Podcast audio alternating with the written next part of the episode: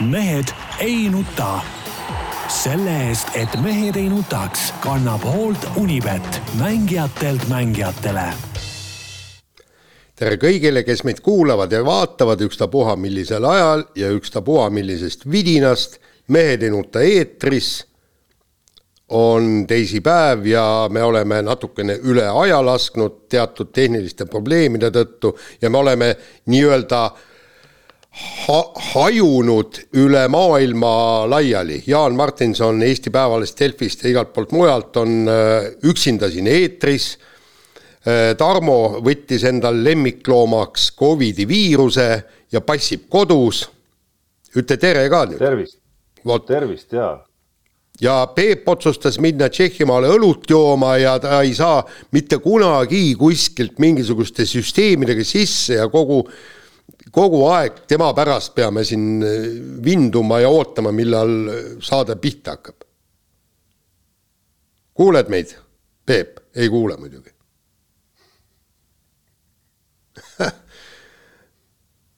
Peep. null emotsiooni kätega vehin. meelega teeb praegu või? aa, no ei tea. ma arvan. Oota, mingi saade käib juba või no ärka üles, kuidas Tšehhi õlu maitseb? ei, Peep, Peep ei kuule jah, tundub. nüüd ma kuulen, Jaan, sind, nüüd ah. ma sind kuulen. esimest korda, ma kuulsin Tarmot kogu aeg, aga ma sind ei kuulnud kordagi. okei okay., nii, kuidas Tšehhi õlu maitseb ja miks sa süsteemidega hakkama ei saa? tähendab kõigepealt need eh, kuradi Rubilniku mehed, kui ma tagasi tulen, ma kohe esimese asjana ma lähen sinna meie Rubilniku meeste osakonda ja, ja, ja, ja, ja võtan selle asja ette, et mis, mis, mis, mis pagana süsteemi siin kasutatakse, kunagi ükski asi tööle ei hakka. aga Tšehhi õlu maitses muidugi väga hästi, ütleme, et eile, eile õhtul sai tehtud eh, nii mitmedki, nii mitmedki Tšehhi õlled ja, ja, ja olen, olen, ütleme, kohaliku kohalike produktidega rahul. Äh, no eks ole põhjust ka ju veidikene seda rüübet äh, suust sisse kallata, sest said ikka eile kõva võidu ikkagi, rahvusvahelise võidu ja isegi väljamaal ja võõral väljakul, et naeratus läheb laiemaks sul, kui sa sellele ja, mängule mõtled muidugi, muidugi läheb. ei, ei, see oli väga, väga tore mäng ja väga tore võit ja ma arvan ka, et väike väike õlu siin, siin abitreeneriga seltsis oli igati õigustatud. aga mängijatel ka lubasid kannu võtta või, kaks või? no need asjad jäävad võistkonna sihtu. okei okay., nii mehed, on midagi südamel, hingel? Tallinnas on igal juhul täielik vihm ja aidaa lumi. et äh, teed on ja tänavad on libedad ja konte murtakse ja, ja aga muide, linnavalitsus, pane tähele Läheb paar päeva mööda ja linnavalitsus raporteerib vähemalt siin Tallinnas, et lumi on koristatud.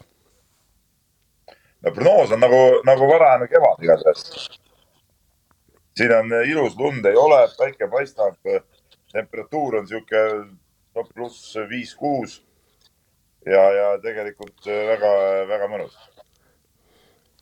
nii, Tarmo, räägi meile ka midagi, kuidas Covidi elu on ja ma siin saan kommenteerida seda, seda, et linna strateegia minu arust töötab ju briljantselt ikkagi igal aastal, et ükski, ükski aasta ei ole sellega viltu läinud, et ühel hetkel sulab see lumi kenasti ära ja, ja, ja noh, ongi töö tehtud, tänavad puhtad, libedus kadunud ja läheme edasi, vahel juhtub see enne jõule, vahel juhtub. ja aga jaanipäevaks on kõik igal juhul korras. absoluutselt jah, aga mis puudutab puudutab elu Covidiga, siis ausalt öeldes ei ole midagi liiga erilist siin raporteerida isegi, et, et kui seda, kui seda positiivset proovi poleks saanud siin reedel, siis, siis võib-olla liiguks täna juba rahva hulgas rahulikult, aga, aga igaks juhuks, kui on, kui juba tean, et on asi, mis võib siin kolleege ka tüütama hakata vastu jõulupühi, siis, siis tahaks veel äkki paar päeva natukene oodata, oodata selle, oodata selle liikumisega. Nii, aga kui kellelgi midagi suuremat südamel ei ole, äkki hakkame siis saatega pihta ja hakkame kohe korvpalliga pihta. oota, ma ütlen, ja ma ütlen vahele, et, et kui nüüd kuulsad Rubilniku mehed meid jälle kuulevad, siis Tarmo poole jutu pealt minu jaoks kadus igatahes ära, et, et Covidi juttu ma enam ei kuulnud, et, et las, las krutivad seal nuppe. aga sind, Jaan, ma kuulen hästi. nii, aga Tarmo, sa kuuled mind, jah? Äh, ja ma siin äh, olen teinud äh, pokkeri nägu olukorras, kus ma, kus ma vahepeal kuulen Peepu ja siis vahepeal kuulen Jaani, vahepeal mõlemat, nii et siin, siin taustal natukene on tehnilisi probleeme. hetkel kuulsin Jaani, nii et, nii et proovime siin vaikselt edasi liikuda. Jaan peab siis dispetšeri rollis kuidagi selle olukorra siin ära haldama. Nii, aga, aga hakkamegi siis kohe oma spordiga pihta ja äh, Äh, pealkirjad olid äh, igal juhul võimsad. pärast Martin Müürseppa teine mees NBA-s, Henri Trell, hurraa, hurraa. loed artiklit, no NBA-d nagu ei paista, et, et seal on mingisugune leping, kahepoolne leping, võib olla, võib mitte olla. seitsmendal jaanuaril selgub, kas kas, kas see leping kestab või ei kesta, millal ta platsile saab, millal ta pingile saab, et mis selle asjaga on ja kas see on nii kõva sõna, kui me hakkame nüüd Peebust pihta, sina oled korvpallimees, võit, võit on all, räägi Henri Trellist. ei no esiteks kindlasti on see väga kõva sõna ja, ja ma sellega nõus ei ole, et, et NBA-d ei paista, et eks ta, eks ta paistab ikka, aga, aga see nüüd ka päris jah nii ei ole, et et ta kohe nüüd plaksti ongi nagu ootame, millal järgmine mäng on ja mees on, on väljakul, eks ole, et nagu, nagu minu arust äh, Ats vist tegi päris korraliku ülevaate, mis see, mis see leping äh, tähendab ja seal oli ju kirjas ka, et mis need äh, Chicago selle hooaja varasemad ja, ja ka praegused siis need kahe, kahesuunalise lepingu mehed, palju nad mängida on saanud, et see oli vist täpselt üks mees ja, ja üks mäng, kui ma õigesti peast praegu mäletan. et see päris nii lihtne ei ole, aga kindlasti on see jälle jälle sammuke lähemale äh, selle NBA suunas ja, ja see on, see on igal juhul väga kõva ja, ja kui teame, et Henri Trell on sellest variandist unistanud, noh siis. nii, nüüd kadus Peep vähemalt Oma minu jaoks. Ah. nii, räägi, nüüd tulid tagasi, vahepeal kadusid ära. ma rääkisin pika jutu ära, ma ei tea, kust maalt ei kuulnud siis. ei no kokkuvõte on see, et, et ma arvan, et, et see on et mees liigub õiges suunas, et kui ta see NBA unistus on, siis, siis, siis see on kindlasti samm, samm selle unistuse täitmise suunas. Tarmo. no see küsi, küsimuse nii-öelda kõige lihtsamakoelisem sõnast-, ümbersõnastamine oli, et kui, et kas see on kõva sõna või ei ole, noh, eks see sõltub nüüd seda, mis sinu jaoks konkreetselt isiklikult on siis kõva sõna või ei ole et, et seda, mida see leping tähendab, minu arust kirjeldasid sa üsna hästi üsna hästi ka ise ära selliste enda peas tekkinud küsimärkide järgi ja, ja Eesti meedia alates Delfist ja, ja ka teistest kanalitest minu arust on selgitanud selle, selle lepingute maailma tänaseks ikkagi üsna hästi ära, mis seal NBA-s toimub ja mis on, ütleme siis, me oleme eh, sellised eh, kolmekesi siin kõik nelikümmend pluss, ütleme siis niimoodi viisakalt jah. et eh, mäletame hästi veel Martin Müürsepa aega, aega NBA-s ja ja, ja ilmselgelt on selle ajaga võrreldes üht-teist muutunud, et, et sel ajal, kui Martin Müürsepp mängis NBA-s ja valiti NBA drafti esimeses ringis ja, ja sai seal siis selle nii-öelda rookie lepingu, et noh, siis, siis selliseid, selliseid lepinguid ja, ja selliseid maailmu veel ei eksisteerinud, et, et, et see asi on muutunud ilmselgelt vahepeal. mina ütleks kindlasti, et see on kõva sõna on see kindlasti kõva sõna, kõva sõna nagu selle selles, noh, sellel, juba sellel põhjusel.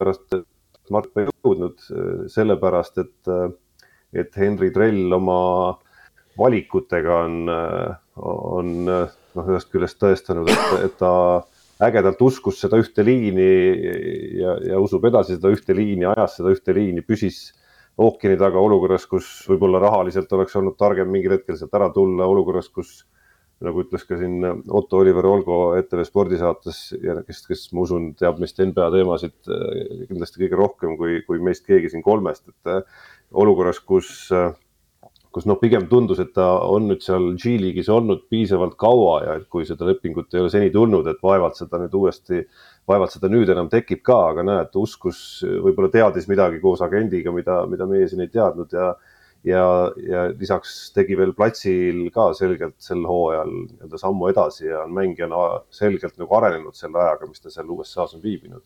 et, et see kõik on aidanud tal teha järgmise sammu, mis jah, nagu sa kirjeldasid, Jaan, ei garanteeri absoluutselt mitte midagi, et, et see leping ise ei pruugi olla garanteeritud ja, ja selge, et see ei ole selline nagu ka tema unistuse või ükskõik millise mängija NBA ambitsiooni ütleme selline nagu lõpptähis, et lõpptähis või lõppeesmärk kindlasti oleks ikkagi garanteeritud leping ja, ja nii-öelda täieõiguslik leping, mis ei sea sulle mingisuguseid piiranguid, et, et see on lihtsalt selline järgmine samm hetkel. nii, mehed, järgmine küsimus minu poolt, ma olen nüüd praegu küsija, teie vastajad. et äh, punkt üks, esialgu tundub, et Henry Trellist võiks saada, kui ta sinna NBA-sse Äh, pääseb meeskonda äh, pingi tagumise otsa mees, kes paremal juhul saab kaks, kolm, neli, viis minutit mängida.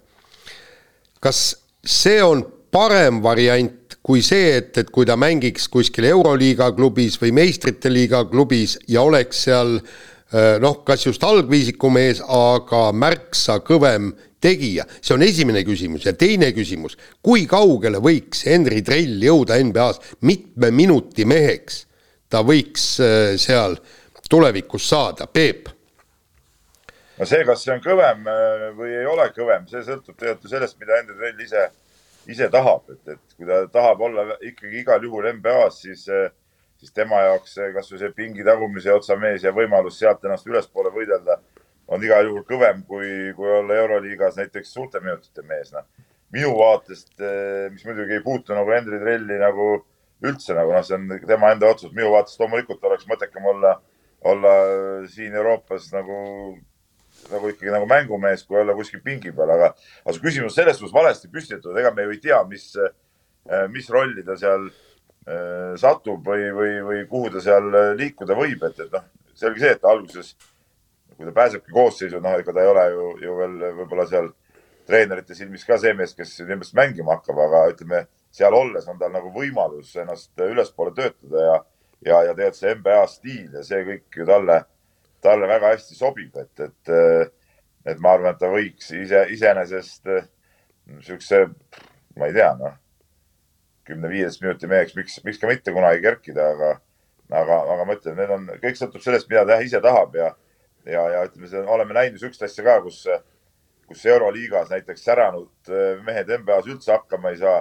ja NBA-s päris korralikult mänginud mehed ei saa jälle Euroliigas omakorda hakkama, et see sõltubki väga palju sellest mängitüübist ja, ja, ja, ja, ja mis, mis mänguga ta on harjunud, et selge see, et Henry on selle NBA stiilis mänguga nüüd aastatega seal juba ära harjunud.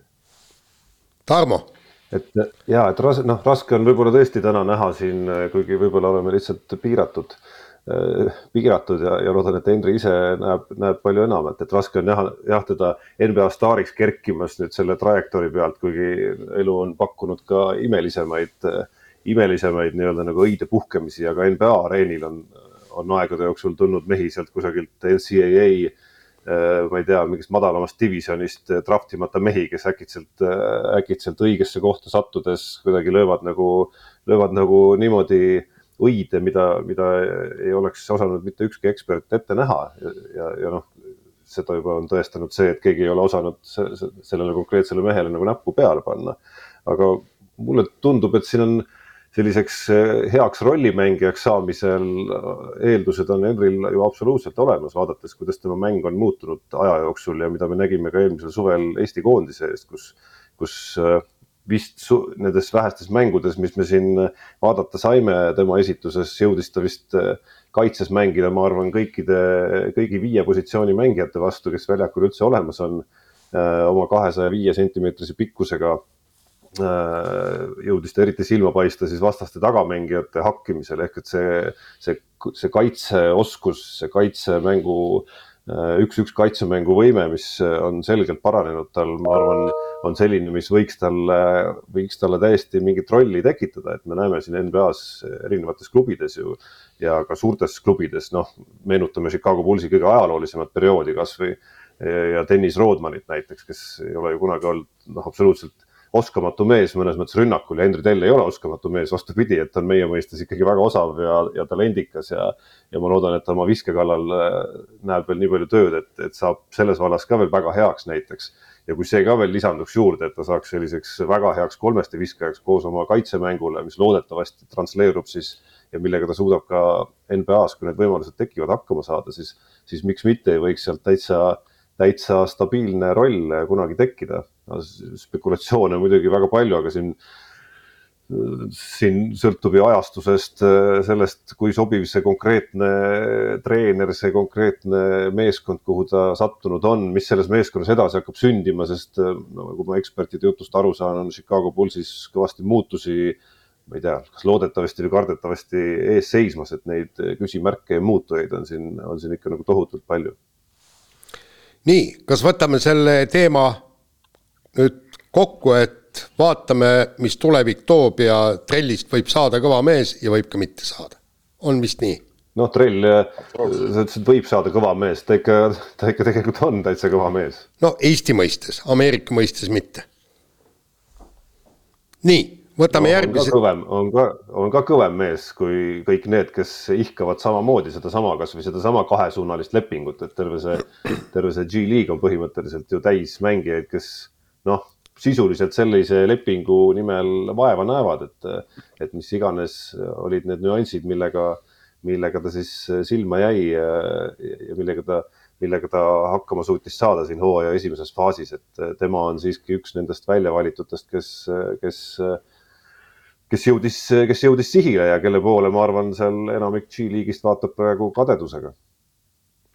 jah, sa, ja sa küsisid enne veel, sa tahad lõpetada küll seda teemat, et sa küsisid enne ja enne meie mõlema käest ja Peep jõudis vastata ka, et, et kas see on parem siis olla seal, ütleme mingis väiksemas rollis versus siis Euroopas suuremas, suuremas rollis, noh, see on ka nii suhteline küsimus, et kui ma pakun, et enamik korvpallureid vastaks sellele ikkagi vastaks sellele ikkagi see niimoodi, et, et parem on olla seal selles väiksemas rollis, et noh, kui sa vaatad noh, üks põhjusi, miks mängitakse lisaks armastusele korvpalli vastu, on lõpuks ju ka, ju ka mängida A võimalikult kõrgel tasemel, mida kahtlemata on taseme mõttes NBA ikkagi. ja, ja teine on ka see, et, et kindlustada sellega oma elu ja võib-olla veel mõni muu elu ka veel ära, et, et selgelt ka rahaliselt on ikkagi see, see variant äh, oluliselt parem kuni mingite NBA pensionide ja asjadeni välja, kui me räägime pikemast karjäärist juba, et, et see on ikkagi nagu äri mõttes hoopis teine maailm, see NBA võrreldes millega iganes Euroopas. nii, okei okay., trelli teema on sellega lõppenud ja räägime laskesuusatamisest. Tuuli Toomingas tegi taas kord äh, MK-sarjas vägeva sõidu, aga samas nagu äh, Alvar Tiisler vist ütles, et äh, mis on eilne tipp, on tänane normaalsus. taaskord üheteistkümnes koht äh, jälitussõidus, aga kui vaadata, millised võimalused tal oli, jällegi oleks, oleks, oleks, poleks, on ju, oleks äh, ta lasknud taaskord nulliga, poodiumkoht. et, et, et tegelikult juba hakkad, mina hakkan Tuuli Toomingalt juba ootama ikkagi esialgu kohti esikümnes ja ikkagi äh, mitte just nõudma temalt, aga, aga ma arvan, et oleks nüüd ju aeg ühel hetkel ka poodiumile jõuda. et teie võib-olla, ma ei tea, Tarmo, sina kindlasti, sa vaatad seda laskesuusatamist äh, veidi rohkem, et äh, on sul aimu, kuskohast see Tuuli Toomingu suusakiirus tuleb ühtäkki äh,? kuues no, naine suusakiiruselt ja, ja millal tulevad poodiumikohad? no sina, kes sa oled, ütleme suusatamist oma eluaja jooksul äh, jälginud võrreldamatult rohkem kui mina, äh, sealhulgas Eesti ilmselt siis kõigi aegade parima suusataja käekäiku ja jälginud ja, ja temast ka raamatu kirjutanud. tead ilmselt sama hästi kui mina või veel paremini, et, et lõppkokkuvõttes sünnivad need arengud treeninguga ja ja punkt kaks, et, et see areng ei ole nagu lineaarne ikkagi seal, et, et on mingisugused etapid, mis selle arengu käigus nagu läbi käiakse ja, ja mõni võib treenida ja olla treenimise maailmameister ja seda arengut ei tulegi, kui treenid valesti, või sul ei ole eeldusi ja, ja teisel käib see kiiremini ja, ja kolmandal käib see siis mingite etappide kaupa, kui mingi maht, hulk tööd on ära tehtud, siis, siis see areng nagu tuleb ja tundub, et Tuuli Toomingas läheb sinna kolmandasse lahtrisse, et, et ma liiga palju ka, mulle väga, mulle tundusid väga sümpaatsed Tuuli Toominga enda intervjuud, mis ta andis sellel samal viimasel nädalavahetusel. et me oleme aja jooksul temalt erinevaid intervjuusid kuulnud, mis äh, kust on õhkunud, ütleme sellist noh, ka mingitel hetkedel otse öeldes ja keerutamata öeldes sellist ütleme ebaküpsust võib-olla.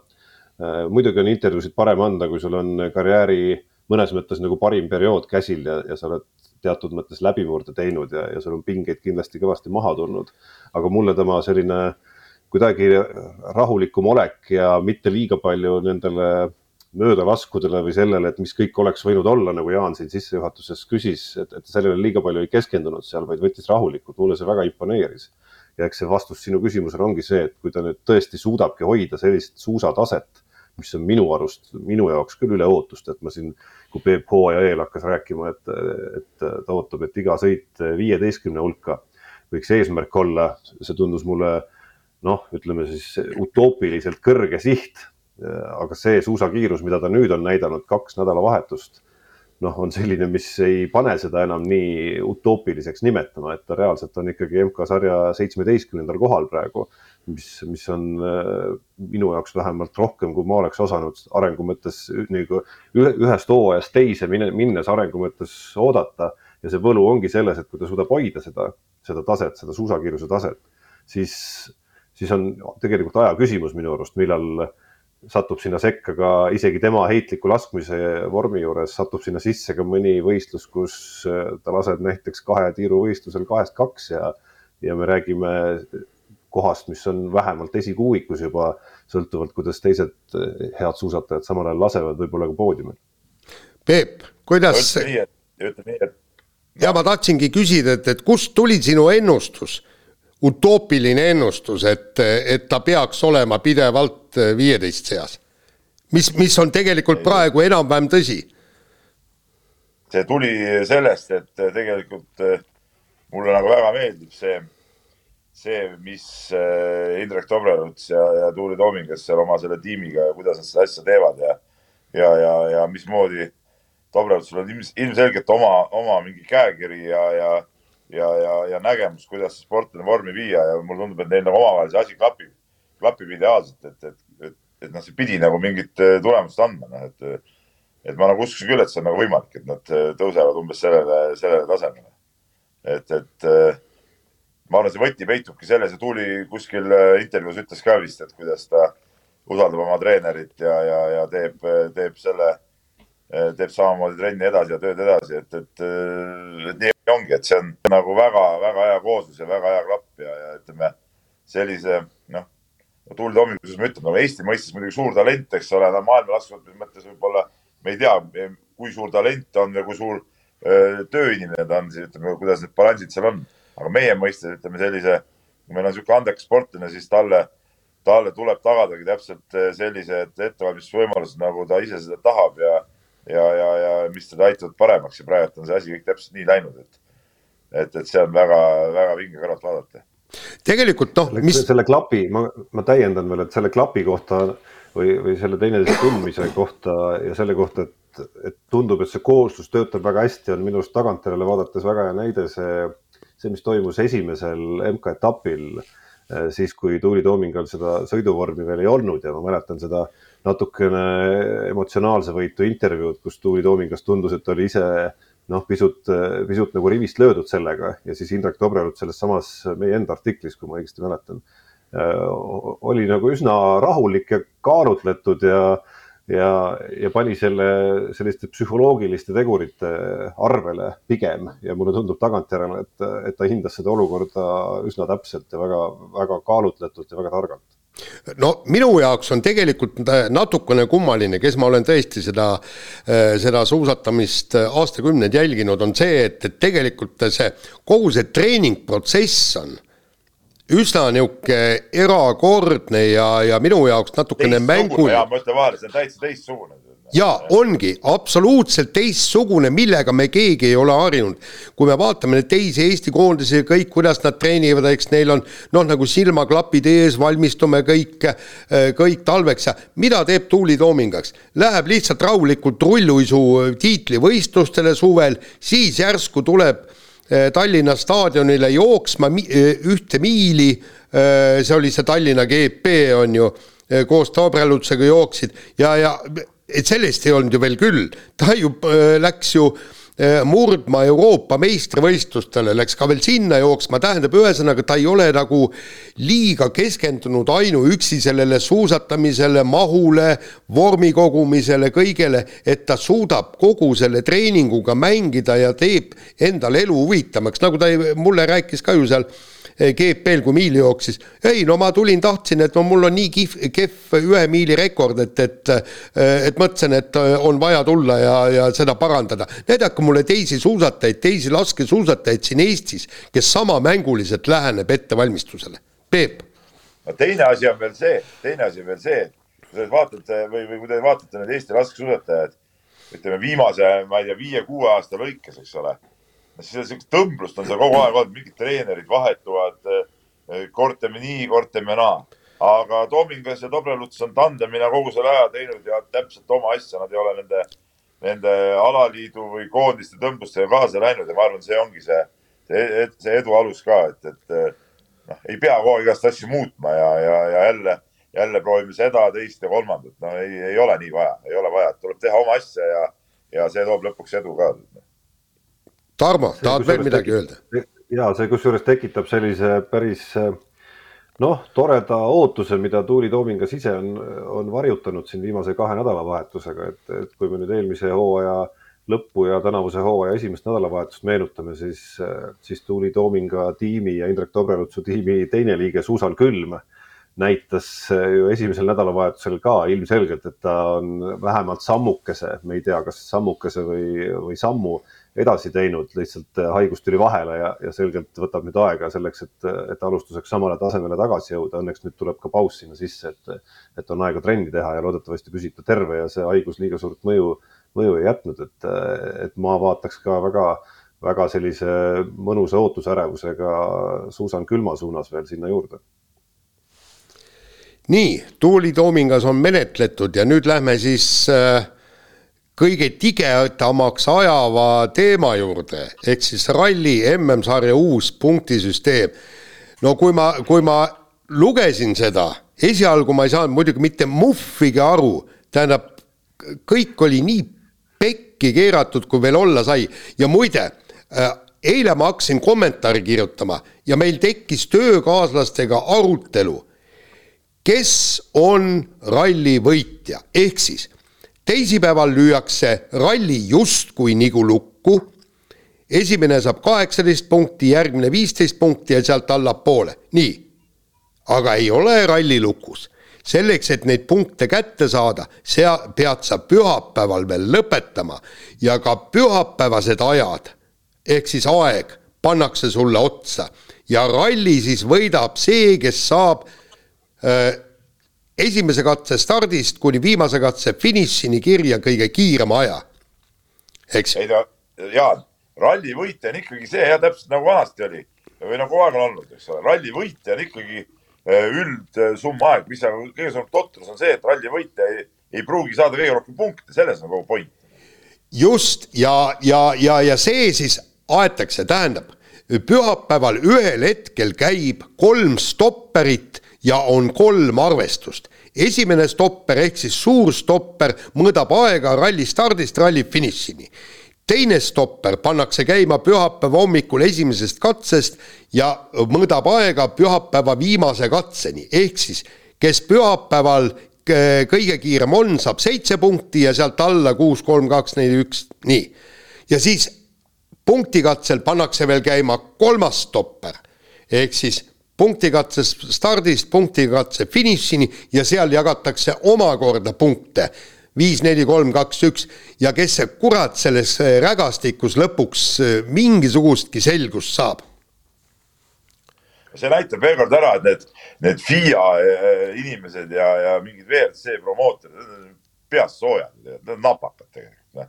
see, see tähendab, tähendab, see sari on niigi nässus ja nad keeravad selle veel rohkem nässu, no see on täiesti, see on idiootsus kuubis, mis praegu tehakse, selle kohta on juba ju sõitjad ka ütelnud ja, ja ma ei, ma ei saa aru, kas tõesti oli siis niisugune koosolek, kus äh, istuti maha ja, ja enne kui otsuseni kuskile jõuti, no tõesti see hundiala vett läks juba nii palju sisse, et enam nagu adekvaatsus kadus ära. noh, mõnikord vaata, on tõesti, võtab palju viina, tead mõtted lähevad, äh, igasugused imelikud mõtted tulevad pähe ja ei tea, mis juhtub. noh, seal samamoodi, noh. see ei ole kaine peaga tehtud otsus, ei saa olla ju, ei saa olla. ei saa ja kus. ja kusjuures soomlased tõid ju täna välja väga huvitava variandi. rallisõitja võib võita kõik neliteist MM-rallit ära, aga ta ei pruugi tulla maailmameistriks. sellepärast, et teised lihtsalt koguvad äh, punkte rohkem see, see, see on täiesti võimalik stsenaarium. ja, ja, ja noh, no ta, ta on võimalik stsenaarium, see on, see on ju ebanormaalne, Tarmo, ütle midagi. no äkki te olete ikka kõik siuksed vanad peerud, et ükskõik, mis uus välja tuuakse, siis, siis loomulikult tuleb kahe käega vastu olla, et et tuleb äh, proovida, vaadata, äkki, äkki töötab, et vähemalt viimased päevad muudab see ralli ilmselgelt põnevamaks. Äh, eks siin, eks siin äh, see see kõige, mingi loogikaviga siin jah, on natukene sees, et, et ma olen selles mõttes nõus, et ühe asja oleks juba puusalt tulistades teinud teistmoodi, et kui juba nagu niimoodi seda teed minna, siis okei okay,, kuulutame selle ralli võite siis laupäeva õhtul välja ka, kui me jagame need rallivõidu punktid põhimõtteliselt sellega juba välja. ja teine asi on see, et see rallivõidu punkt, vahet ei ole, kas see ralli lõpeb nii-öelda ralli võitja selgub laupäeval või pühapäeval, kas see, kas et kuidas nad seal omavahel nii-öelda suhestuvad, et, et see rallivõidu osakaal noh, peaks ilmselgelt suurem olema, et need rallivõidu punktid ja need vahed kasvõi, kasvõi sellised, nagu nad seni olid, kus kakskümmend viis ja kaheksateist vist olid esimese ja teise koha vahed, et, et see on minu arust see, mis noh, seda totruse võimalikkust kõige rohkem lihtsalt kasvatab, et see rallivõit versus ralli teine koht, ükskõik kuidas see rallivõitjaga selgub, on äkitselt muutunud nii tähtsusetuks. Äh, järgmine asi, kõik, äh, kõik, äh, mis, mis tuli ka sellest arutluskäigust välja, kuulge, kallid inimesed, meil on, palju meil on siis, kolm, neli, viis, kuus sõitjat, meil on sisuliselt kuus sõitjat, kes sõidavad läbi terve hooaja ja võitlevad mm tiitli pärast miks me peame kümnele neid punkte jagama, jagamegi kuuele, küll me selle punktisüsteemi paika saame. ei ole vaja niimoodi, et, et pooled punktid võtavad mingi R2 vennad. Rally2 vennad, et, et teeme kuidagi mõistlikult ja teeme niimoodi, et, et, et kolmkümmend punkti jah, paneme siis niimoodi, et, et lõpetame selle pagana punktikatsega ära. lihtsalt pühapäeval võitja saab viis, teine koht terve pühapäeva võitja ja ülejäänud läheb nagu ikka. ja väga lihtne, väga lihtne oleks olnud niimoodi teha, minu arust ka. ma Jaan täiesti nõus sinuga. see oleks taganud tervele, tervele viimasele päevale hoopis teistsuguse pinge ja, ja kaalu ja, ja ei pea see, see punktikatse olemuselt ei ole nii, nii oluline selles sarjas, kui, kui see, et viimasel päeval pinget hoida ja ikkagi eh, ralli võitja peaks selguma ja, ja ralli võitja punktid peaks antama ikkagi pärast viimast kiiruskatset, mitte mitte laupäeval, no see on, see on täielik, noh, see on jama, noh, see on, siin ei ole nagu sõnu, ma ei, ma ei saa aru, mis, mis, mis asja seal toimus, no see ei ole reaalne nagu. tegelikult on see ralli MM-sari omadega üsna pekki jooksnud, tähendab me. üsna, vaid täiesti, täiesti.. jah, täiesti pekkis. eelmine aasta räägiti hommikust kuni õhtuni igal rallil, kõik rallimehed, kõik tiimipealikud, et teeme midagi, muudame midagi, eks. ja nüüd siis ainukene asi sisuliselt, mida muudeti, keerati punkti äh, skaala või punktisüsteem perse äh, noh, siis selle hübriididega näitas, et tegelikult see hübriidi vaja ei ole, äh, et siis need, kes meeskonnapunkte ei taha tuua, ehk siis erasõita, need võivad selle kakssada tuhat eurot maksva hübriidsüsteemi autost välja visata ja, ja, ja pannakse sinna sada kilo kaaluv kast, naeltega lüüakse sinna auto keskele kinni ja küta sealt, et see, need ongi nüüd kogu muutused. ma vaatasin, eile lugesin need regulatsioonid läbi, uued regulatsioonid, mitte muhvige, kogu aeg räägitakse, et rallid on liiga pikad, keegi ei jõua vaadata. loen regulatsioone, ralli peab olema kolmsada kuni kolmsada viiskümmend kilomeetrit pikk enne räägiti, et pagan, teeme need rallid natukene lühemaks, et ei ole vaja nii pagana pikki üle sõita ja, ja kõike seda. ei mitte midagi. ainukene asi, mis tehti te,, keerati see asi täiesti tuksi. see on minu arvamus. sellega ma sinuga, ja ma ei ole sinuga sellega nõus, minu arust ralli peabki pikk olema, et see, see, see on nagu okei okay ja, ja, ja mul mingid minirallid nagu väga, väga ei meeldi.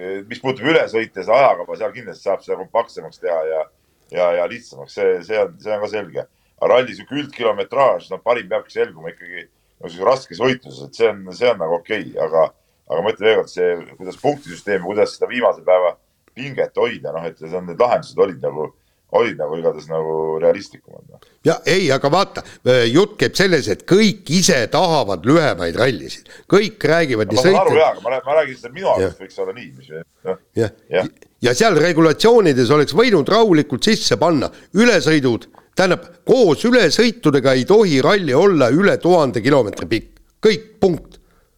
ja, ja oleks kogu lugu, muhvigi, mitte midagi niisugust sisse ei kirjutatud. ei, sellega, sellega ma olen nõus jah, et ülesõidud on tihtipeale ülipikad ja, ja seal kiirustuste vahelised ajad on üli, üli, ülipikad, et, et sellega ma küll nõus jah. vaata, sa oled ise ju käinud ju rallidel, sa lähed ju põhimõtteliselt kell kaheksa hakkab ralli pihta, eks ju paned selle võib-olla teinekord varemgi. Ja millal sa saad viimased intervjuud ära, ära teha, teinekord no, kuskil poole üheksa, üheksa aegu alles.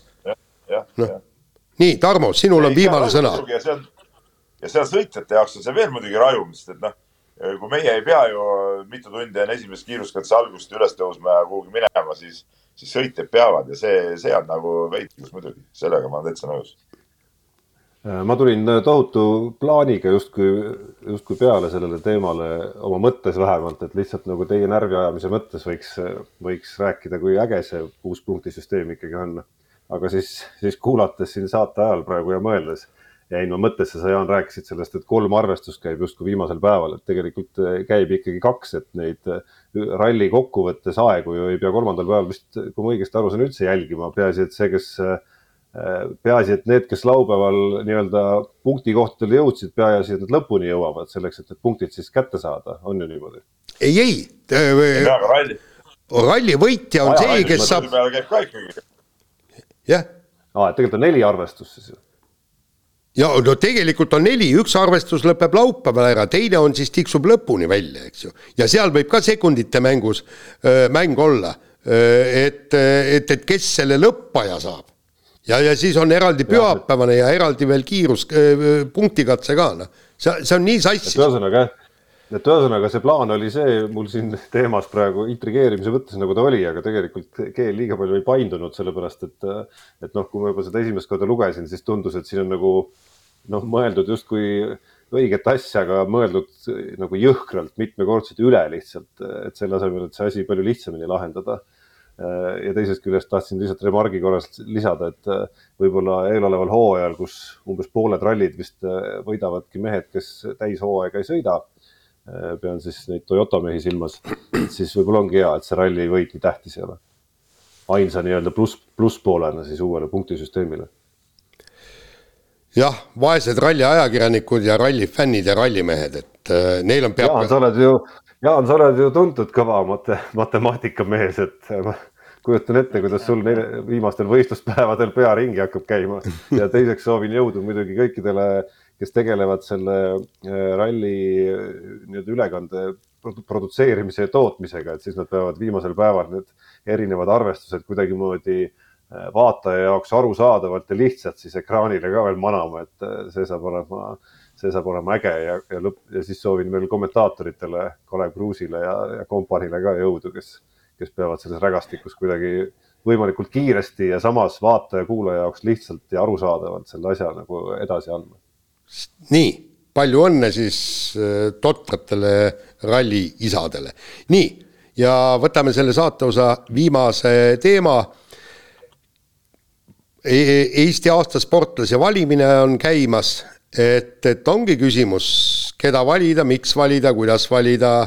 Äh, siin on juba hulk totrusi, nagu ma olen siin äh, tähele pannud. Äh, nii-öelda nominentide seas ja, ja kõik ja Tarmo pakkus välja, et kõik me järjestaksime oma, oma kandidaadid, aga, aga ma lihtsalt ütlen, et, et ma, mul, mul on analüüsi vaja natukene rohkem, et et kas su idee on ikkagi endiselt jõus või, või teeme nagu üldise arutelu. aga mida sul siis analüüsida on, Jaan, sa ei tea, keda panna või? ei, ma, ma tean, keda panna esimeseks, teiseks, aga, aga sealt edasi meil on ju viis, Tarmo pakkus välja kõik viis välja panna, aga seal on vaja natukene vaadata siit ja sealt. Jaan ei saanud hakkama ja vasta otse välja, et sa ei saanud hakkama lihtsalt. ei, miks ei, ma ei saanud hakkama? ei no tegelikult, Jaan, no tegelikult on ju nii, et okei okay,, võtame seda naistest, hakkame pihta, eks ole. no hakkame naistest pihta. noh, siin on nagu lihtne, eks ole, minul on äh, klaar, eks ole, Jefimov on minu jaoks nagu esimene, no siin ei ole midagi, midagi isegi arutada noh noh, see on, see on nagu klaar.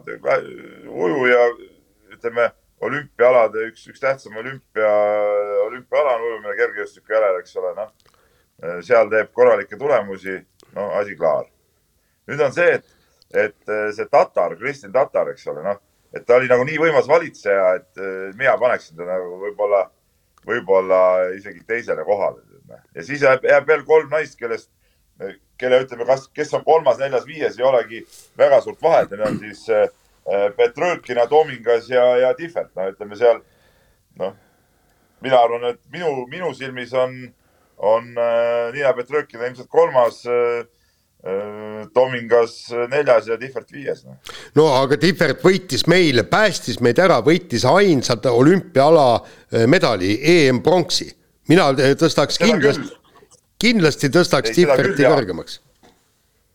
Äh, seda küll, aga, aga, aga äh, Petrõkina äh, EM-i kuues, MM-i üheksas nii kõval alal kui ilusasti naiste üksiksõit on, on, on ikkagi ka päris kõva avaldus ma isegi olin, olin seda kuuldes natukene üllatunud, sest Peep üldiselt ikkagi on rääkinud, kuidas suur võistlus ja selle medal on kõige tähtsam asi maailmas üldse, et, et ma ausalt öeldes, kui ma suur mõtlesin, mida, mida keegi teist võiks pakkuda, siis, siis oleksin kindel olnud, et neli Tihvert on Peebul lausa teisel kohal. meie viisik, mina panin ka, täitsin oma kohustuse ära, panin vähemalt kirja endale viisiku ja see viis nime on samad, aga, aga erinevad, erinevused Peebuga tulevad siis eh, sealsamal kohtadel kolmandast viiendani, et esimene Jefimov, teine Tatar ja siis eh, see ülejäänud kolmik on täpselt vastupidises järjestuses ehk et siis kolmas Tihvert, neljas Toomingas ja viies Petrõkin.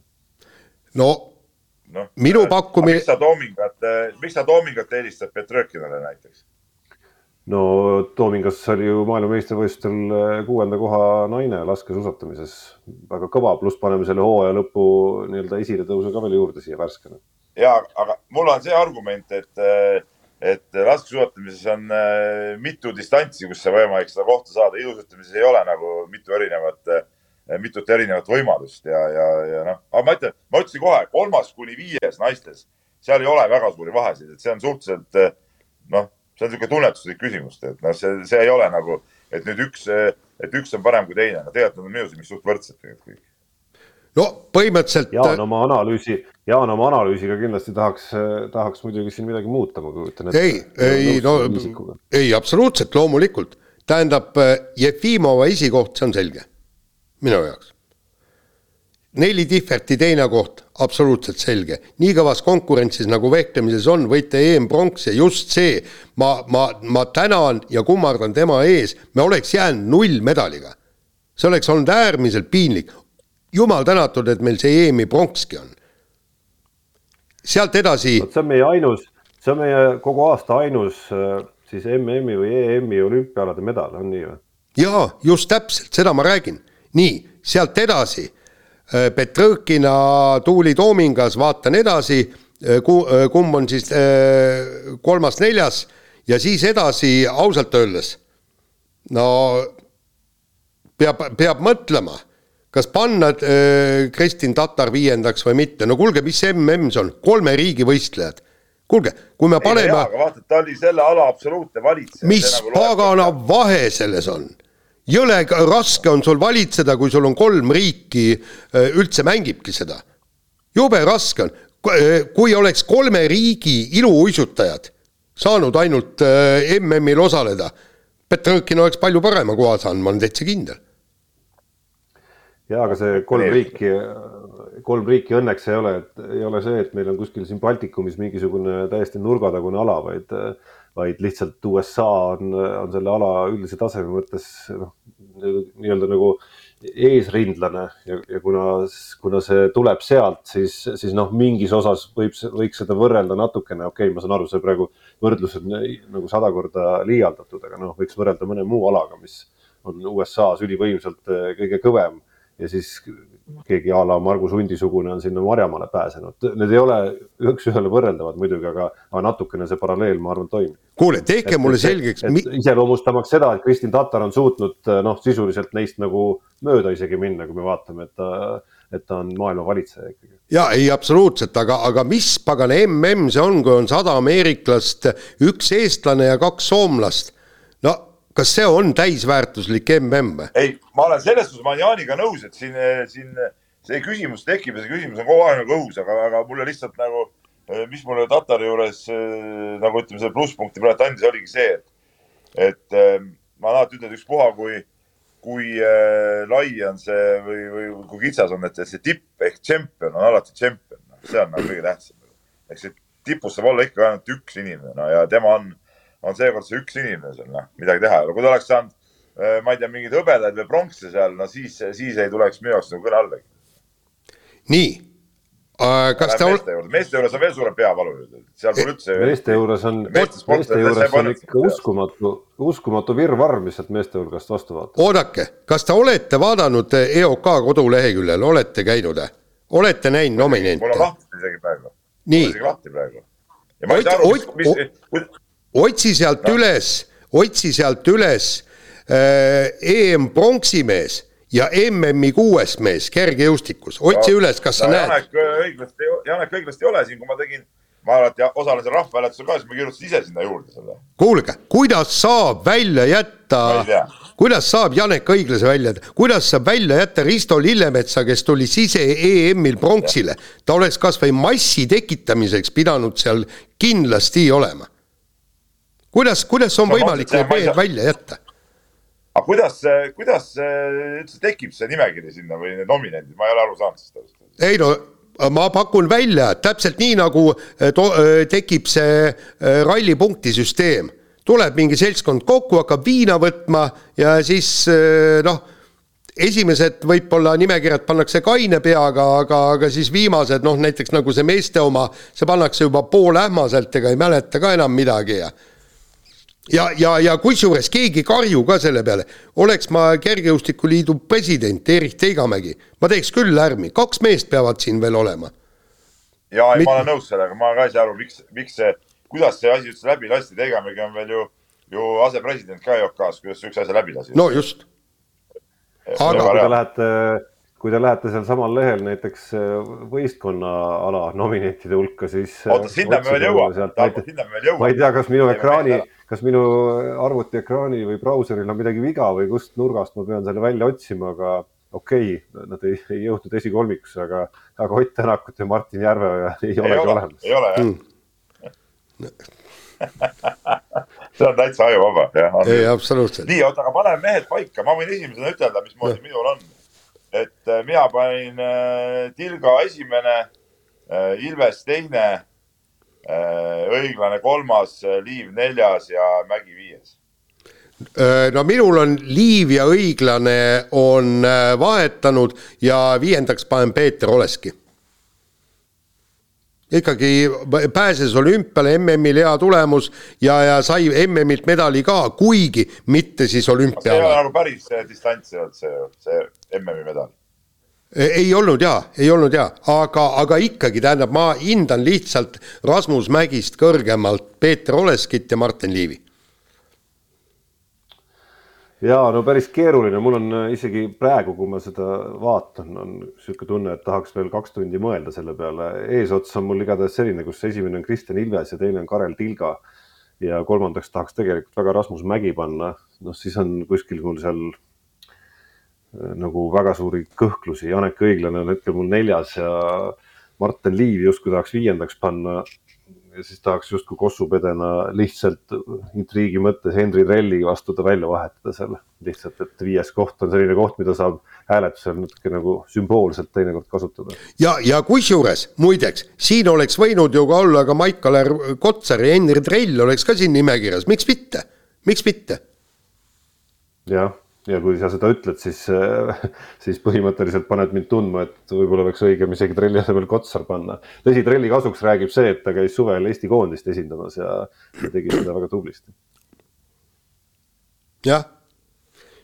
no nii, võistkond, noh no mi-, mi-, mis asjad siin on, eks. no tegelikult on see, et, et, et, et see latt on ikka ääretult madal kõi-, kõige kõrgema, kõige kõrgemalt noteerin kindlasti kurlingu paari äh, Marie Kaldveed ja Harri Lille, kes said MM-il viienda koha ja sellega siis nii-öelda äh, äh, jäid sinna gruppi, hakkavad võitlema olümpiamedalite eest nüüd juba siis, siis uuel aastal ja MM-il aprillikuus. nii, aga noh, ma ei tea Fiba eurokapil poolfinaali jõudmine Kalev Cramo. see on Euroopa neljas sari, see on umbes sama sari, mis Peep mängib. natukene kõrgem, aga mitte oluliselt, noh no sisu, ei oota, Jaan, siin ma muidugi parandan, et noh, ta on ikka, ikka nagu oluliselt määral, olulisel määral kõrgem, et seal. kui Euroliiga või? kui NBA või? seda sa nüüd küll, seda sa nüüd küll päris öelda ei saa, et ta nagu sisuliselt, sisuliselt sama on, et, et mina äh, mina natukene imestan, et sa, et sa Korvingu paari kohe, kohe nii, nii jõuliselt esile tõstsid, kuigi see on ka selline seltskond või selline kategooria, kus nüüd, kus on nagu väga raske. no nagu ütleme, on võimalik jät-, on võimalik teha väga erinevaid järjestusi. mina näiteks vastupidi, tõsi, ma ei ole, ma tunnistan, et ma olen siin klappidega natukene panin Kalev Cramo esimeseks. mille pärast, see on ju euro, euro neljas, paremuselt neljas sari. Ja ma saan aru, oleks nad võitnud, hurraa, aga see, et, et me pääseme poolfinaali mingis suvalises äh, sarjas, kus mängivad tõesti karipatsereid.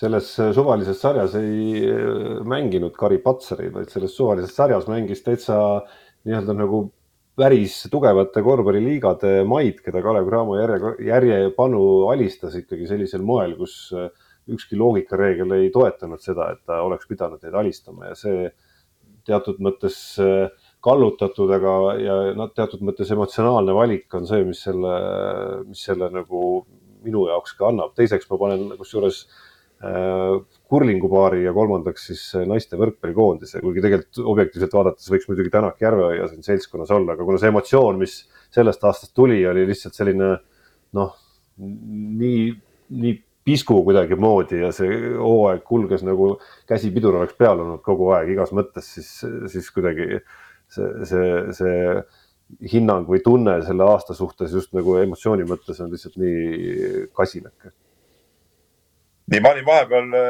vist eetrist maas, ma ei kuulnud, äh, mis ta siin räägib, mida Jaan võistkondadest rääkis, aga ma panen enda, enda võistkonna kolmiku kaela, minu jaoks on ikkagi äh, Tänak Järve ikkagi parim võistkond, sest et sellisel tasemel meil nagu mitte kedagi teist võistkonna arvestuses panna ei ole. teisel kohal siis Kaldvee Lill kurlingus ja, ja, ja naiste võrkpalli koondis siis hõbeliiga võiduga kvalifitseerub minu jaoks nagu kolmandaks, et, et, et, et. miks sa Kalevi välja jätad, mille Tarmo esimeseks pani? no ma ei tea, no ta, ja, no Kalev oli ka tubli ja, ja seal eurosarjas tegid, tegid ägedaid asju ja need, need mängud, aga ütleme, kui me vaatame nagu siukest nagu tervikuna maailma, maailma spordi või, või ütleme selle ala nagu taset, kus nad siis nagu eh, kellegiga võrdluses nagu on, et siis ütleme, need need kolm eelmist nagu minu silmis olid, olid seekord nagu kõrgemad. no vot, Tarmo, sai. treeneritest juba rääkisite või? millest? ei, treeneriteni jõuame. no nüüd, nüüd on treenerid ja, ja minu jaoks. oota, ma räägin kõigepealt ära probleemi. minu jaoks on probleem see, kas me valime Eesti treenerit või eestlaste treenerit ja praegu on niisugune paras segapudru. nii, aga ütle, Peep, mida sa mis järjestus sul on? Äh, räägime, räägime selle sinu küsimuse kõigepealt selgeks, eks ole, et kus on äh, Einaste ja kus on Rivo Vesik näiteks ma vaatasin muide, Kein Einaste, ega ta tegelikult äh, äh, laskesuusa, ta on ju Šveitsi laskes- äh,, Šveitsi suusa laste, laskesuusa, kumma ta on nüüd, laskesuusakoondise peatreener. laskesuusa. jaa, aga, aga mida tegid Šveitsi laskesuusatajad MM-il? ei teinud ju midagi erilist. ei, aga seal oli mingi hea tulemus ju oli kus Einaste tuli seal äh, pilti ka, et ta on nende taset kõvasti tõstnud minu arust, kui ma õigesti mäletan. kõvasti, kõvasti jah, selgelt. ja aga selge see, et, et, et isegi kui Kein Einaste seal oleks, äh, siis äh, noh, mina teda esiviisikusse paraku ei, ei paneks. ei, ma küsin nominentide hulgas, aga Rivo Vesiku, Rivo Vesiku õpilased tulid ju vist Euroopa meistriks, see naiste, naiste paar, see Šveitsi paar näiteks. jah et, et, et see on jällegi, suvaliselt pannakse siia, visatakse midagi äh, paika. aga sellest seltskonnast, aga sellest seltskonnast, kes siin on, on minu jaoks on suhteliselt lihtne valik äh,. Henri Hein on minu silmis esimene äh,, Svetlana Varnavskaja teine, Indrek Dobrevus kolmas, noh, siin on nagu suht, suht klaar, mul ei no, ole midagi mõtelda nagu. Mina äh, pean mõtlema, kumma ma panen, kas Helen Nelis Naukase esimeseks või Henri Heina ja Naukas sellepärast, ta viis oma kolmanda sportlase individuaalse tiitlimedalini. et, et, et selles mõttes ja temale on muidugi liiga tehtud väga kõvasti, et. Äh, sellega ma olen nõus. sellega ma olen nõus, et tal on liiga tehtud kõvasti, aga minu arust sel aastal ikkagi nii nagu selles sportlaste valikus nagu vaata, mul jäi, jäi ikkagi Tihvert seal nagu viiendaks, siis, siis, siis paraku ma nagu seda kuidas ma ütlen, no Hein, Hein on lihtsalt nagu mõnes mõttes mina nimetan teda ikkagi nagu, nagu supertreeneriks, et ta on toonud äh, ühe noore tüdruku, okei okay,, väga talent, talendika tüdruku, aga ta on temaga väga oskuslikult tegutsenud, on toonud äh, tippu. et see on nagu, see on nagu eriline saavutus. Äh, võtame sealt Varnavskaja, on viinud lihtsalt ühe lihtsa äh, tüdruku ilusutamise Euroopa maailma esikümnesse, ülikõva ja noh, Dobrevust me juba rääkisime, rääkisime siin Tuuli Toominga ja selles äh, selles valguses, et, et, et nii ongi ja Helen Nelis Naukas ka jah, tõesti väga-väga kõva ja tal on kolmas vehkleja tipus ka, ka väga kõva. no võib-olla siis, ma ei tea, võikski seal noh, panna jagama või, või, või kuidagi nii, et, et jah, tema jääb võib-olla teenitud, kui me peame kolm valima, jääb võib-olla teenimatult välja nagu. ja, ja na, Naukasele ma annaksingi elutööpreemia ja tegelikult ta vääriks seda elutöö Kristjanit ka ja, ja muide. Ja, ja EOK-le ongi ju tegelikult minu äh, soovitus ja mõte, peaks olema elutöö Kristjan ühe annad iga aasta välja ja meil on siin niivõrd palju sportlasi, kes oleks väärinud neid elutöö Kristjanit, kes on palju võitnud, palju teinud, treenerid on, meil on võistkonnad on olnud. Ja kes ei ole muhvigi Aga... saanud on... seal aasta sportlase aasta galal on ju elutöö auhind ka. ei, aga see ei ole elutöö Kristjan, me räägime puhtalt ja puhtakujuliselt äh, Kristjanist. kas Mart Poom ei vääriks elutöö Kristjanit, öelge. Ragnar Klavan. niimoodi, kui see nimekiri, kui sa niimoodi küsid, oleks loomulikult päris pikk. just. et, et seal, seal enam väga paljud, kui neid praegu ühekaupa andma hakata, siis, siis enamik oma eluajal ei jõua enda oma ilmselt ära oodata isegi jaa, aga midagi ei ole teha, tuleb teha valik, nagu me oleme teinud, mäletate ju, äh, kaks tuhat kuus aasta, kui äh, kolm maailmameistrit, eks Eiki Nabi, äh, Andrei Nišin ja siis see karatepoiss Luhamaa, kolm, kolm maailmameistrit, nad ei saanud Kristjanit, eks. ja, ja täpselt samamoodi tuleb valik teha ka elutöö Kristjanite puhul. meil on siin palju ja mitmeid, Martin Müürsepp on Kristjani saanud või? Kas vääriks seda? no vot, samamoodi Budõlin, eks. Bertelson, kes on hunniku medaleid võitnud. Helen-Elis Naukas, kõik need vääriksid Kristjanit, siin on treenerid veel, kes pole seda Kristjanit saanud, aga kes on teinud tohutut tööd ära. aga korraks veel selle aasta treeneri juurde tulles, siis minu kolmik, mis ma kirja panin, oli esimene Hein, teine Nelis Naukas ja kolmas Heiko Rannula, seda Rannula noh, tegelikult see ongi see Kalev Cramo võlu minu arust ongi selles Heiko Rannula võimes mängida või panna Kalev Cramo kokku ja mängida sellega üle oma võimete, vähemalt, vähemalt Euroopas, eurosarjas. tegelikult isegi natukene ka sellel sügisel, kuigi, kuigi edasipääs jäi saavutamata, aga, aga mul on tunne, et siin on siin selle, see küsimärk, millega Jaan, sa alustasid ja Peep, te alu, sa alustasid seda, seda treeneri teemat, et noh, siin on ikka Pandora laegas see, et siin on ju just sportlasi, siis on Eesti treenereid, noh, Gerd Kanter on siin ametlikult EOK lehel nominidel kirjas, aga Kein Einaste või Rivo Vesik on puudu. aga Budõlin on ka, Aleksei, Aleksei Budõlin on ka kirjas kenasti. viis šveitslase maailmameistriks. jah, mingit välis äh, välissportlast või välistiimi ja, ja kokku tuleb selline korralik segapudru kapsas, kus juba meie valikute pealt on näha, et me lõpuks vaat-, noh, nagu süda ütleb, et tahaks ja peaks kõige rohkem hääletama siis ütleme siis oma treenerite poolt, kes juhendavad oma õpilasi, noh nagu Nelis Naukas juhendab Tihvertit ja Hein juhendab Jefimovat ja ja, ja kes iganes meie nimed siin läbi veel käisid, on ju. teisalt me ei kujutaks ette, kui näiteks, suvaline näide, ma ei tea, Heiko Rannula viib ühel hetkel äh, klubi Euroliiga, juhendab Euroliiga tasemel klubi või Jürgen Henn mingisugust äh, meistrite liiga tasemel klubi ja siis me jätaksime nad sealt äh, välja, vastupidi, me silmagi pilgutamata paneksime nad esimeseks, et äh, et järelikult peaks võib-olla ka Gerd Kanterisse tõsisemalt suhtuma nende nominentide järjestamisel praegu ja miks sa Gerd Kanterit tood, tema õpilane võitis hõbeda. Aleksei Budõlin tõi Šveitsile esimese maailmameistritiitli judos ja kusjuures ta on aastaid töötanud ja ta on üles ehitanud selle Šveitsi koondise tugevamaks teinud. nii et tegelikult peaks temast alustama, annaks väga hästi äh, pidada korralik kaitsekõne praegu sellele, et Pudelin peaks olema esimene selles nimekirjas. no aga miks mitte?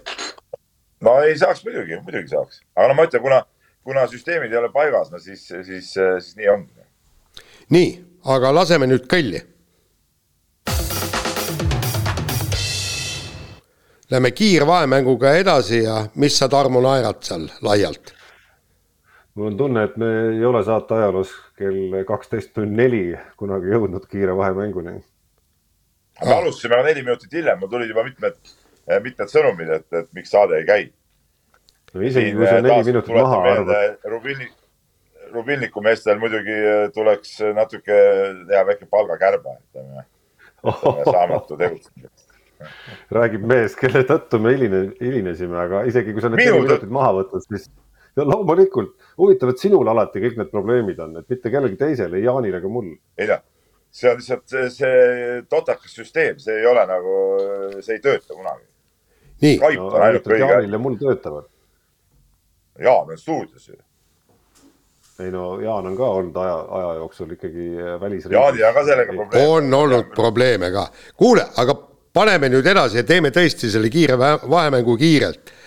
võrkpalliliit kärbib äh, igalt poolt, kust vähegi võimalik, et äh, Eesti võrkpallimeeskond äh, saaks mängida äh, kuldliigat äh,, naiskond äh, samuti kuldliigat ja pärast äh, hiljem tulevad veel EM-i valikmängud ja kõik ja kärpekohti on siit-paremalt-vasakult kõik.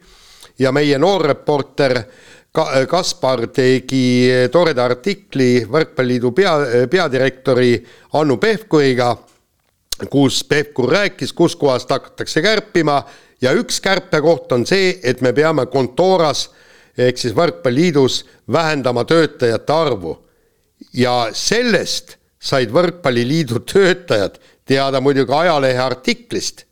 ja, ja siis, kui see ajalehe artikkel oli loetud, siis algas paanika et kellele nüüd king antakse ja, ja noh, see ei ole päris mõistlik minu meelest, et äh, juht annab teada võimalikest äh, nii-öelda vallandamisest äh, aja, ajalehe kaudu ja kuskil artiklis. kõigepealt tuleks ikka teatada töötajatele või mis te arvate, Tarmo, sa oled boss no,? no sõltub sõltub, keda või mida Pevkur tegelikult silmas pidas, et äh, mina tean ühte võrkpalliliidu töötajat, kes äh, juba tükk aega teab, et ta peagi lahkub ja see on minu teada pigem kahe. meil on Toomas Vara minemas, ei ole kõik.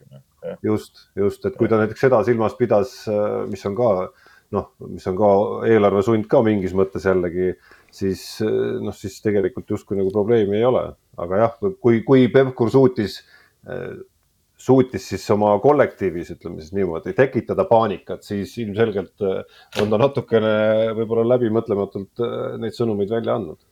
no eks ta annab kogu aeg ju mõtlematult. oota, Pevkurit, oota, oota Jaan, Jaan, Pevkurit peaks üldse nagu rihmutama, tegelikult Pevkur on viimasel ajal tegelenud äh, võrkpalli vaates ikka ainult täieliku jamaga. ütleme kõik see, mis puudutas seda, seda meestekoondise mittemängimist ja siis ikkagi mängimist. nüüd need sellised sõnumid, see kõik on ju, kõik on ju tema mingisugune, mingisugune soga, mis ta on, on, on ajanud. noh, et, et see ei ole nagu, see ei ole nagu päris, äh, päris adekvaatne olnud minu silmis ja, ja ma, ma tahtsingi just öelda, et ega ühtegi Pevkuri sõnumit ei tea ju öö, uskuda. Kui ta ütles, et, et me ei mängi kuldliigat, läks kaks-kolm päeva mööda, öeldi, et mängime kuldliigat, võib-olla on ka nüüd öeldakse, et hakkame staff'i vähendama kontooras ja, ja siis selgub, et kaks päeva hiljem hoopis tüüaks, tuuakse kolm töötajat juurde. nii et, et siin on asi Pevkuri puhul segane. nii, lõpetame selle teema ja räägime Ott Tänakust, kes tegi esimesed sõidud äh, Hyundai rallimees, äh, ralliautoga ja ütles, et jumalast vägev auto, et ütles, et noh, et liiga palju seal muudetud ei ole, kõik nii, aga väiksemad detailid on paigas ja ta ütles, et tunneb ennast seal äh, äh mugavalt ja ütles, olen päris õnnelik. et äh,. et, et Hyundai on parem, seda näitas juba ju see see hooaeg äh, Neuvilli ja, ja, ja Lappi äh, sõidud ju tegelikult näitasid ära, et, et äh, Hyundai on konkurentsivõimelisem Toyotaga võrreldes, kui, kui sellest aasta tagasi nagu võtta, kui Tänak seal sõitis. et, et see oli nagu ilmselge, sellepärast ma arvan, Tänak oli ka selle, noh, ütleme selle, selle sammu ette võttis siia tagasimineku, et, et ma usun, et küllap ta ikka teadis, et see masin on nagunii parem ja tähendab, sealt tulid huvitavad uudised välja, need see äh, Hyundai äh, meeskonna tehnikadirektor või kes, kes see rääkis seal intervjuus, andis teada ju vaata, kui see äh, hübriidauto esimest korda välja tuli, nad homologeerisid selle ära nii, et nad ei teinud mitte ühtegi, mitte ühtegi kruusatesti korraliku masinaga. see oli, nad tahtsid, üks auto neil oli valmis, mäletad, Neuvill sõitis sellega kraavi ja, ja nad ei jõudnudki eh, rohkem seda autot testida ja pidid ära homologeerima ja siiamaani on käinud tulekahju kustutamine ja, ja ma arvan tõesti, et see auto on ajapikku oluliselt teistsuguseks saanud, kui Ott Tänak sellega siis tunamulla sõi-, eh, tunamullu sõitis. või siis mullu, tähendab. absoluutselt, see on ikkagi, ma arvan, et, et selles suhtes tuleb see hooaeg huvitav, et, et, et Tänak Neuvill Hyundai roolis suudavad see aasta Toyota meestele päris kõvasti äh, kanna peale astuda ja, ja miks mitte ka mööda astuda. Tarmo, tahad öelda midagi? põrinate fänn, nagu sa oled. tahan öelda, tahan, ma kiusatus oli öelda see legendaarne lause, et keda need põrinad ikka huvitavad aga pigem ütleks, et pidime kiire vahemänguga kiiresti edasi minema, nii et vahetame teemat nii, räägime suusahüpetest. tarkade rallitarkadele ikka tarka lisada oskan. Jah, räägime suusahüpetest ja, ja tegelikult mul oli ette teada, et see uudis tuleb, aga ma ei saanud, noh, tähendab, tavaliselt tuleb enne muneda ja siis alles hakata kaagutama.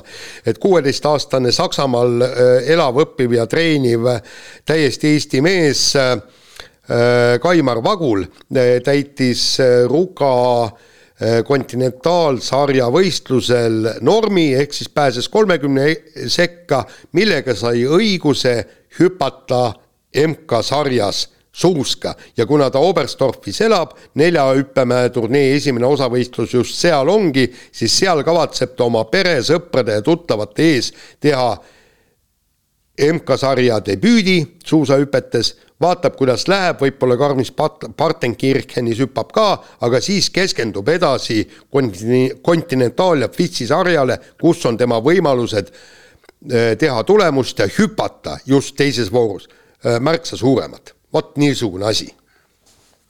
lugesin Jaan su no, tore, et aeg-ajalt tulevad kusagilt siuksed eh, ootamatud nimed ja ootamatud sportlased välja, et, et jah, muidu see suusahüpete ja see kahevõistluse see osa nagu oli meil suht, ütleme, tagala tundus nagu täitsa tühi olevat.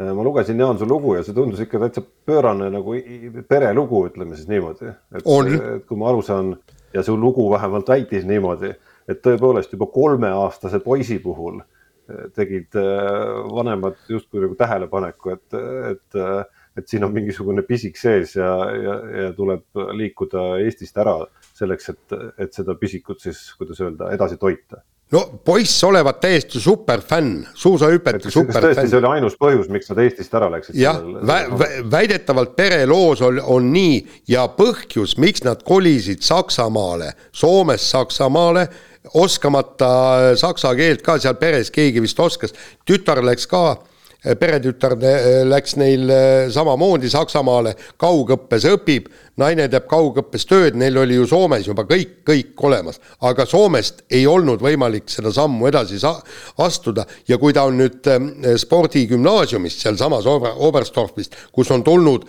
hulk öö, saksa koondislasi nii kahevõistluses kui suusahüpetes, noh, parim paik, kuhu minna.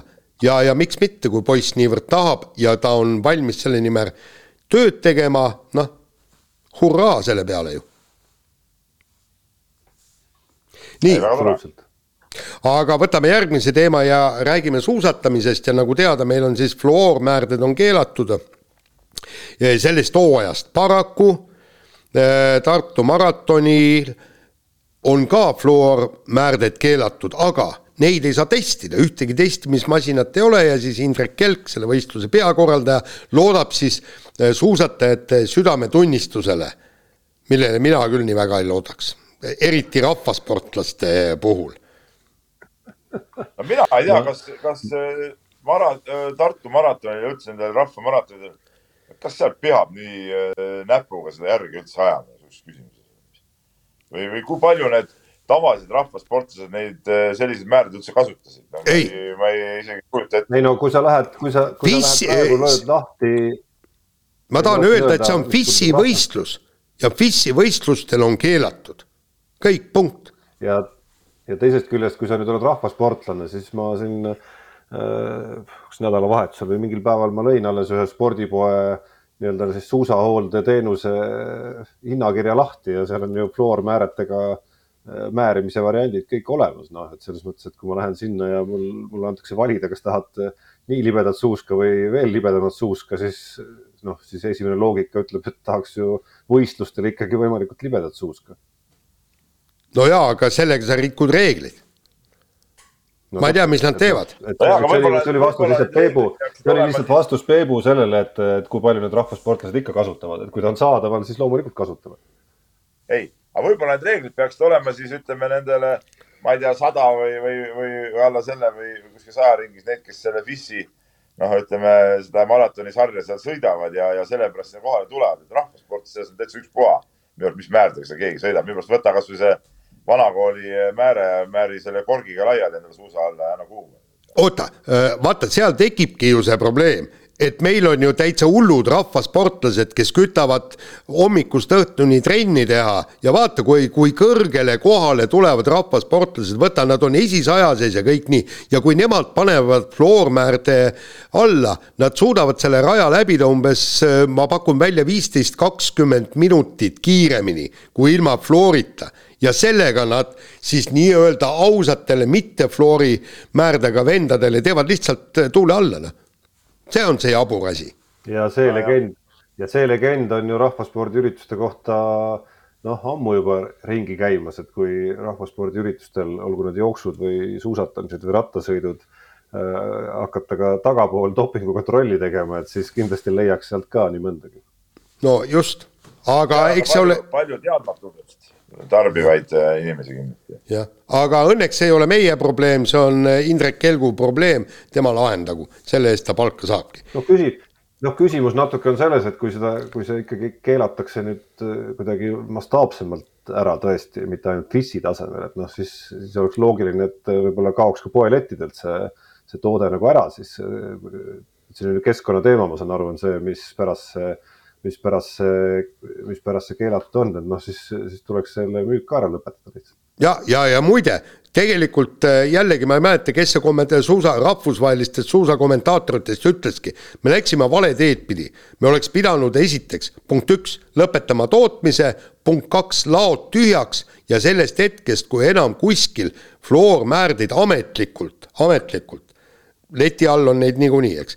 ametlikult saada ei ole, vot sellest hetkest peale võtame ainult selle äh, keelu vastu. nii äh,, järgmine teema, nädal Keilas, Peep, anna aru, mille kuradi pärast, noh. mille kuradi pärast seal Läti-Eesti liigas, mis asja te selle Rapla vastu seal lõpus tegite? korvi alt mehed sisse ei saa. terve mäng ju, mis lõpus terve mäng oli kohutav. siis äh, ei no lõpus seal, kus tekkis võimalus, siis kurat mingisugune täielik tont on ju, siis äh, põrgatab, põrgatab, põrgatab, põrgatab ennast sinna kuradi maa, äh, maa-alasse kinni vendade vahele, siis plätserdab palli ära, ma rääkisin just Tarmole, ütlesin ka meil oleks Märt Kermon oleks selle peale, seal oleks pidanud tuhat kätekõverdust tegema, kohe oleks pingile tulnud, poiss, mida sa ronid sinna? mängida korvpalli, sööda ära, tead, eks. tee mul selgeks, mis toimub. Ma ei saa üldse aru, millest Jaan räägib. aru, arusaamatu, arusaamatu valin tuli praegu Jaani esituses. oota, mis asja, võitsid Rapla vastu või? et, et ma loodan, et kuulajad annavad andeks selle mis sa Jaan ütlesid? no võitsid Eesti liigas siis need kaks viimast mängu või? ei võitnud? aga pidid võitma või? muidugi. mis sa siis läksid kaotama ah. teadlikult või? Ei, ei läinud teadlikult kaotama. Tartu mäng oli väga hea mäng, ma arvan, et see oli, see oli väga tipp-topp mäng, see puhas lõpu, lõpus oli äh, puhas loterii, kummale poole kukub sinna.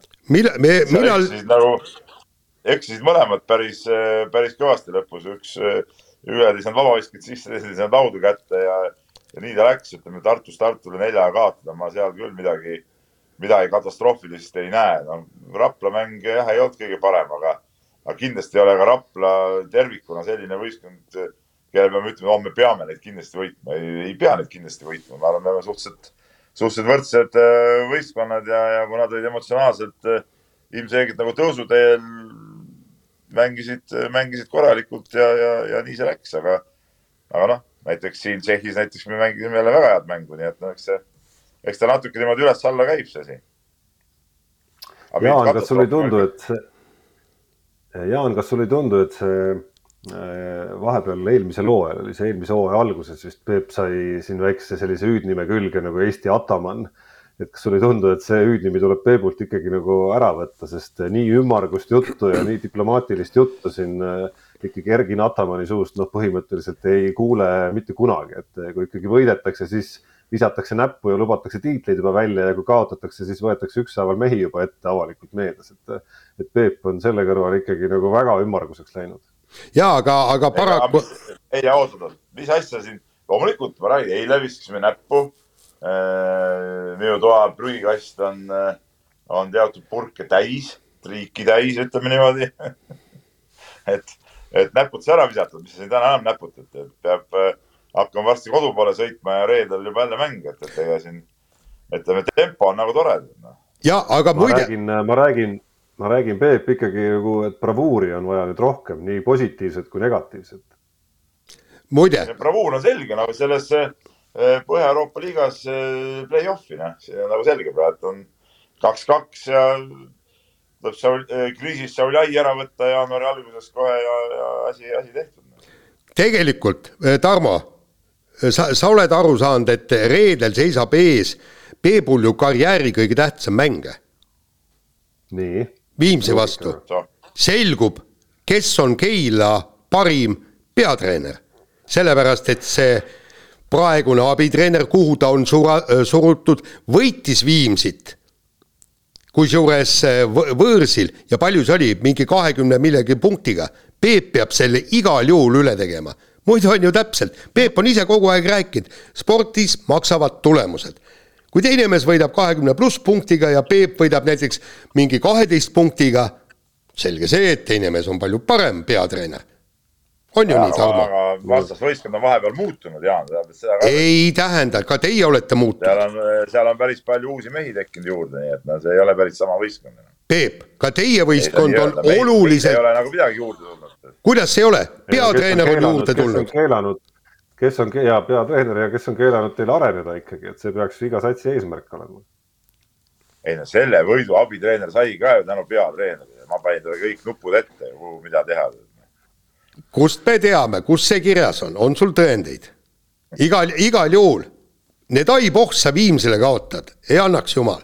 nii, aga enne selle saate osa lõppu lihtsalt soovime head paranemist Niina Petrõkinale, kes äh, võistluste eel murdis jalaluu ja, ja peab nüüd äh, kipsis ja, äh, kipsis ja karkudega kõndima ja loodab iluuisutamise MM-iks terveks saada ja siis ka loomulikult meile heale vanale sõbrale Aivar Rehemaale, kes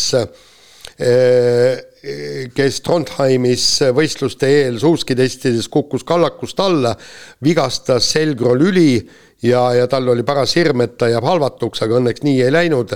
on praegu haiglas, varsti saab kodumaale ja on loodetavasti äh, kahe kuu pärast juba taas suuskadel. nii, laseme kõlli Unibetis saab tasuta vaadata aastas enam kui viiekümne tuhande mängu otseülekannet. seda isegi mobiilis ja tahvelarvutis. Unibet, mängijatelt mängijatele. nii. no nii, no esiteks, esiteks tahaks selle meie Unibeti rubriigi alustuseks äh, ikkagi tulla veel eelmise saate või eelmise saateosa lõputeema juurde tagasi, et et Peep siin rääkis äh, minu arust hoopis teistsuguse bravuuriga äh, Äh, Tartu kohtumise eel ikkagi sellest, mis äh, eripanuseid tuleks Unibetis välja mõelda, et ma tahtsin seal panna nii-öelda nagu handicap'i, et tundus isegi mulle kui panustajale selline nagu täitsa, täitsa okei okay., ma ei mäleta, kas seitse pool punkti või mis see oli seal antud, aga Peep viimasel hetkel siis ikkagi käskis põhimõtteliselt, et ei, see Keila võidu peale eripanuse leiutamine on oluliselt parem asi, et me ei ole ju Tartule kunagi kaotanud põhiturniiril, nagu ta meenutas ja noh, nii siis sündiski ja, ja kõik, kes sinna panustasid ja kaotasid tänu sellele, selle asemel, et handicap'i panna, noh siis, siis saavad Peebule otse kirjutada põhimõtteliselt. ei no oma viga, kes käskis panustada, aga mina ei käskinud kellelgi ja arvestage sellega, et, et hasartmängud ei ole mõeldud rahalise äh, seisundi parandamiseks. et see hoiatus peaks olema alati ees ja teiseks, mul oli õigus ju, handicap seitse pool oleks ilmselgelt nagu nagu ebaõiglane nagu meie suhtes, et mäng oli ju praktiliselt tasa. no selles mõttes oligi ebaõiglane, et, et täitsa hea mõte oleks olnud selle peale panustada, aga okei okay,, tuleme siis selle juurde, kuidas, kuidas meil läinud on, et, et viimased paar nädalat on jäänud veel meie selle aasta, selle aasta jõuproovist, kui mul siin sõnajärg juba enda käes on, siis ma ühe panuse nädalavahetusel panin, ütleme, näitasin oma korvpalli ekspertiisi ikkagi siin Äh, üsna veidra panusega, kus sidusin omavahel kokku äh, siis kaks asja, kus esiteks äh, ennustasin, et Viimsi kaotab Kalev Cramole vähem kui kolmekümne punktiga ja teiseks, et, et Väike Kalev kaotab Prometheile rohkem kui neljakümne punktiga. mõlemad läksid täide. no teenisid päris kopsakalt. oli sul üsna, üsna uljas tegelikult, sul vedas ka natuke, sest et nendel ju nendel ju üks meeskonna liidreid ei mänginud tegelikult selles mängus kaasa. jah, seda ma ei, seda eelinfot ma ei teadnud, aga eks ta põhines rohkem sellel, sellel, et noh, selgelt nad on leidnud mingisuguse uutmoodi enesekindluse, mida nad suutsid seal pool mängu väga selgelt ka näidata, püsides seal mängus no.. et see, et see üks, üks oluline mängija on oluline lüli selles, et Viimsi on võidulainele saanud, aga noh, kokkuvõttes on ka tervikuna selgelt toimunud seal ka teiste mängijate ja meeskonna areng no mina panin kaks äh, jalgpallipanust äh, Inglise liigas ja, ja mõtlesin, et, et kohtuvad äh, kaks meeskonda omavahel, aga selgus, et no ma panin kolmikpanuse, aga selgus, et näiteks ühes paaris ei olnud mitte kaks meeskonda, vaid üks meeskond ja teine oinakari ja, ja sellepärast ma sain pikki pükse kahel korral ja ma kaotasin korralikult pappi, et oota, mis see oli, spordikihlveod ei ole selle finantsseisu parandamiseks mõeldud, küll aga nad on mõeldud finantsseisu halvendamiseks. nii et ühesõnaga. jah, nii, Peep. nii, võtame siis, võtame paar, paar. kuule, sa oled ju Tšehhis. ma tuletan meelde, Peep, Peep on meil ju Tšehhimaal hetkel, et oled sa, oled sa ikkagi kohaliku lauatennise nii-öelda nagu olustikuga ka tutvunud? Ei ole ja mul, ma see nädal üldse panustamisest puhkasin, ma kogun, kogun jõudu nüüd ütleme otsustavaks spurdiks, et taas no sarnaselt eelmisele aastale see võit lihtsalt ära võtta. aga sul on ja. viimased võimalused seal ikkagi koha peal, koha peal üritada natukene selgust saada, mis, mis. no ma tahaks saate ära lõpetada kiiresti, sest ma tahaks, tahaks minna korraks natuke linna ka vaatama, mul tegelikult ülejäänud võistkond on, läks linna peale jalutama ja ma jäin siia, et ma enne kui me, ma olen, ma olen praegu lõunasöögini ja pärast seda kohe sõidame minema, on jäänud veel kaks tundi aega, et, et ma tahaks kindlasti veel korraks väikse, väikse ringi ka teha, aga, aga võtan kiiresti paar, paar kirja ja hästi palju kirju olid muidugi muidugi see WRC punktisüsteemi osas ja ma arvan, et me seda uuesti enam lahkama ei hakka, me sellest rääkisime päris pikalt. On päris palju kirju ka, ka aasta treenerite äh, valikus, eks ole, ja seesama see Kein Einaste küsimus oli siin üles tõstetud ja nii edasi. ja, ja, ja seda küll, aga, aga nüüd on hea küsimus on selline, et mis puudutab ka treenereid, et, et seoses meie erinevate treenerite draamaga äh, olen viimasel ajal tabanud ennast mõttelt, et millised on eestlastest treeneri eelised võrreldes välismaalasega loomulikult olen edukuse mõõdupuuks võtnud sportlaste ja võistkondade tulemused. Eestlastest treenerite edukusest viimasel ajal kinnitavad nii Ene Jefimova, vehklejate Tuuli Tominga tulemused. välismaalastega olen aga jänni jäänud. kas on olnud olukord, et välistreenerite palkamine on ennast samal määral ära tasunud? noh no kohe meenub ju no, üks ja sama näide, mida me oleme siin äh, aastate jooksul korranud päris palju, et äh, ja noh, eks see näitabki seda, et see küsimus sellest kasutegurist sõltub ju sellest, mis, mis eesmärgil, mis ajahetkel, mis sportlase puhul see, see liigutus tehtud on või mis tiimi puhul, et noh, ikkagi see, kuidas Erki Nool välistreenerite poolt aidati üle nii-öelda nagu noh, ütleme siis saba otsa, ütleme noh, on ikkagi vist edulugu number üks äkki veel. ei, Gerd Kanter, Westein Haftelson, ma pakuks seda number üheks ikkagi ilma Vesteinita ma ei usu, et ta oleks tulnud olümpiavõitjaks ja maailmameistriks. No aga ma ütleks Erki no, Noore kohta julgeks samasuguse lause öelda.